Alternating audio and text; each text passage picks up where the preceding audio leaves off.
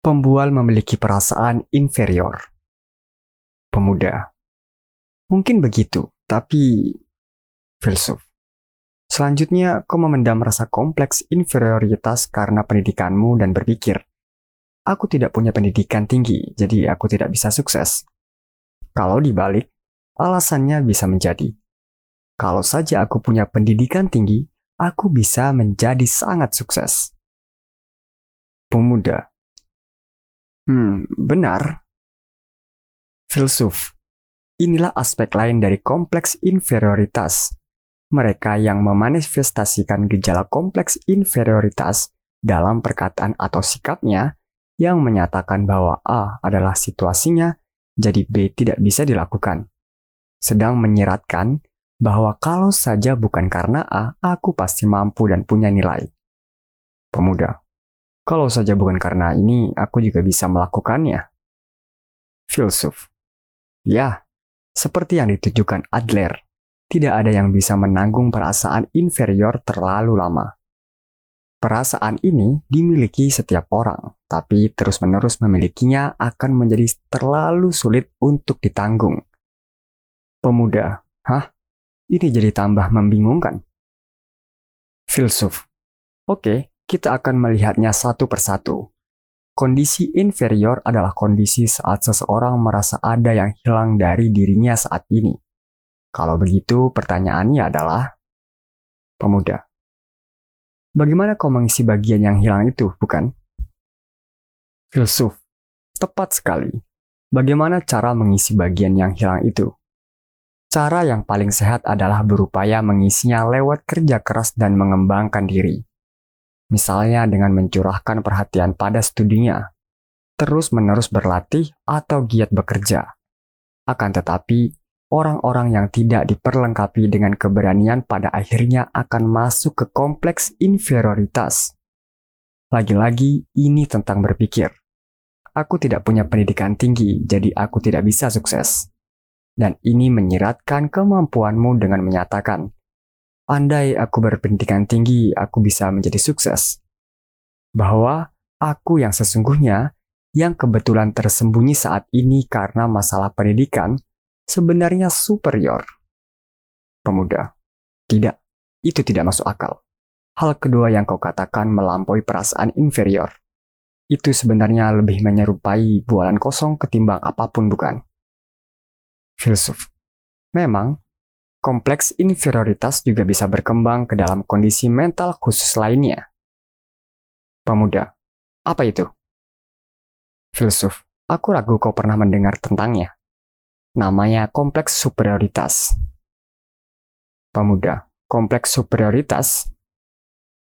Filsuf, seseorang menderita perasaan inferioritas yang kuat Ditambah lagi dia tidak punya keberanian untuk menembusnya melalui model kerja keras dan pertumbuhan yang sehat. Meski begitu, dia tidak bisa menoleransi kompleks inferioritas dari pikiran A adalah situasinya. Jadi B tidak bisa dilakukan.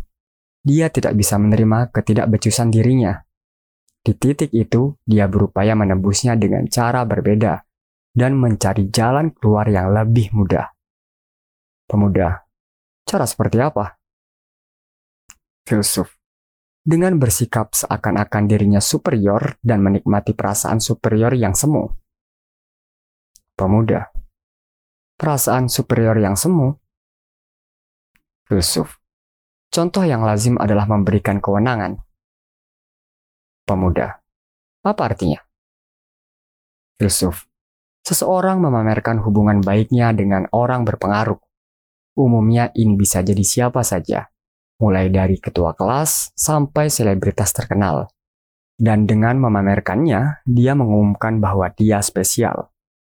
Perilaku seperti memberikan pernyataan menyesatkan tentang pengalaman kerjanya atau menunjukkan loyalitas berlebihan pada merek pakaian tertentu adalah bentuk-bentuk pemberian kewenangan dan barangkali juga mengandung aspek-aspek kompleks superioritas dalam setiap kasus, bukan berarti aku memang superior atau spesial.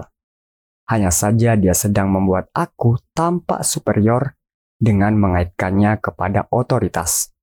Singkat kata, ini adalah perasaan superior buatan. Pemuda, dan yang menjadi fondasinya adalah perasaan inferior yang intens. Filsuf. Tentu saja, aku tidak tahu banyak tentang fashion, tapi kukira akan lebih bijaksana berpikir bahwa orang-orang yang mengenakan cincin batu mirah dan zamrud di seluruh jari tangannya sedang bermasalah dengan rasa minder daripada isu tentang kepekaan estetika. Dengan kata lain, mereka punya tanda-tanda kompleks superioritas. Pemuda, benar. Filsuf, tapi mereka yang membuat diri mereka terlihat lebih besar dengan kekuatan pinjaman, pada hakikatnya sedang hidup menurut sistem nilai orang lain. Mereka sedang menjalani kehidupan orang lain. Ini poin yang harus ditekankan. Pemuda, jadi kompleks superioritas ini psikologi yang sangat menarik. Bisakah kau memberiku contoh lain? Filsuf. Ada tipe orang yang senang membanggakan prestasinya. Seseorang yang berganyut pada kehebatannya di masa lalu. Dan selalu mengingat-ingat kenangan saat dia menjadi paling bersinar. Mungkin kau kenal beberapa orang seperti ini. Mereka semua bisa dibilang punya kompleks superioritas.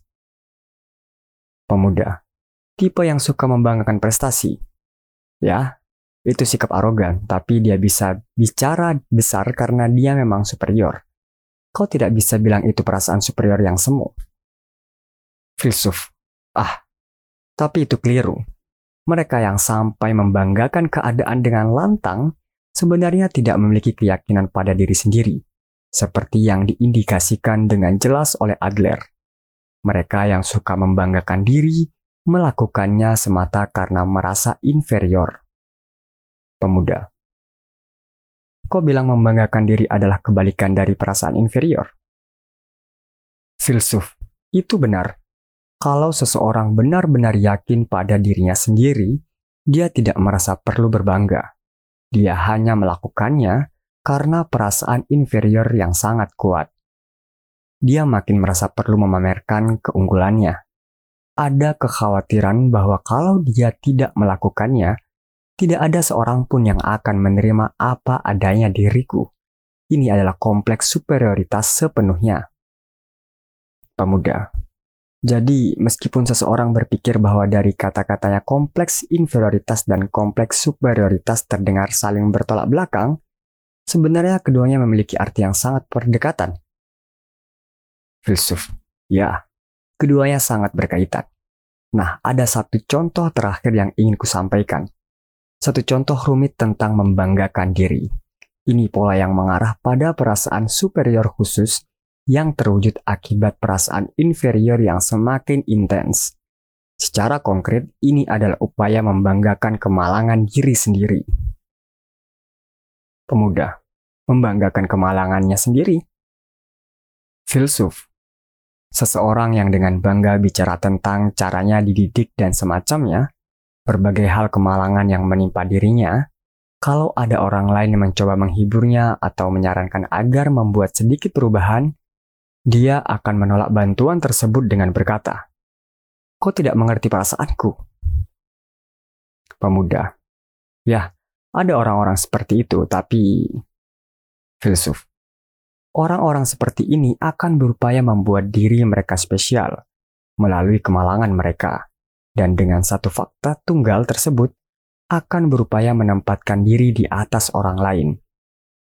Fakta bahwa tubuhku pendek, misalnya, katakanlah ada orang baik hati yang datang kepadaku dan berkata, "Itu tidak perlu dikhawatirkan," atau hal-hal semacam itu tidak ada hubungannya dengan nilaimu sebagai manusia.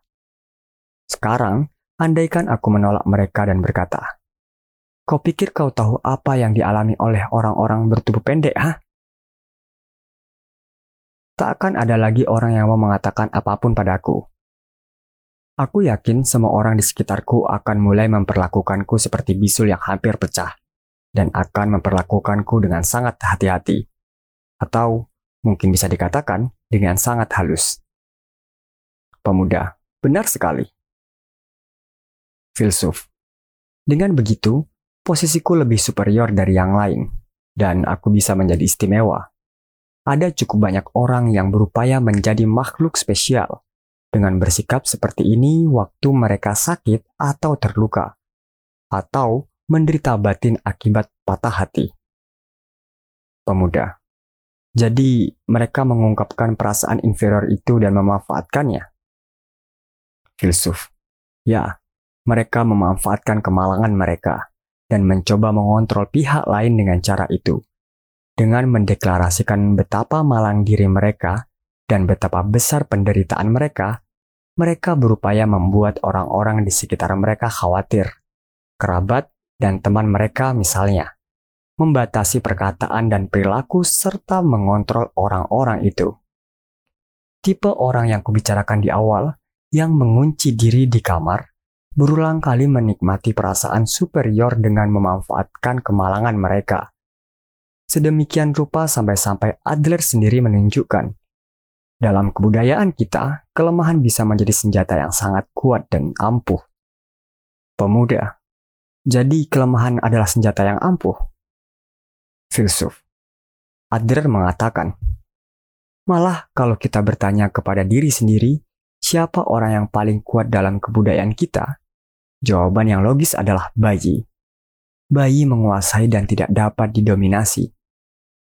Bayi menguasai orang dewasa dengan kelemahannya, dan justru karena kelemahan inilah tidak ada yang bisa mengendalikannya. Pemuda, aku tidak pernah menjumpai sudut pandang tersebut filsuf. Tentu saja, perkataan seseorang yang pernah terluka, kok tidak mengerti bagaimana perasaanku. Memang mengandung sedikit kebenaran. Memahami sepenuhnya perasaan orang yang sedang menderita adalah sesuatu yang tidak bisa dilakukan siapa pun.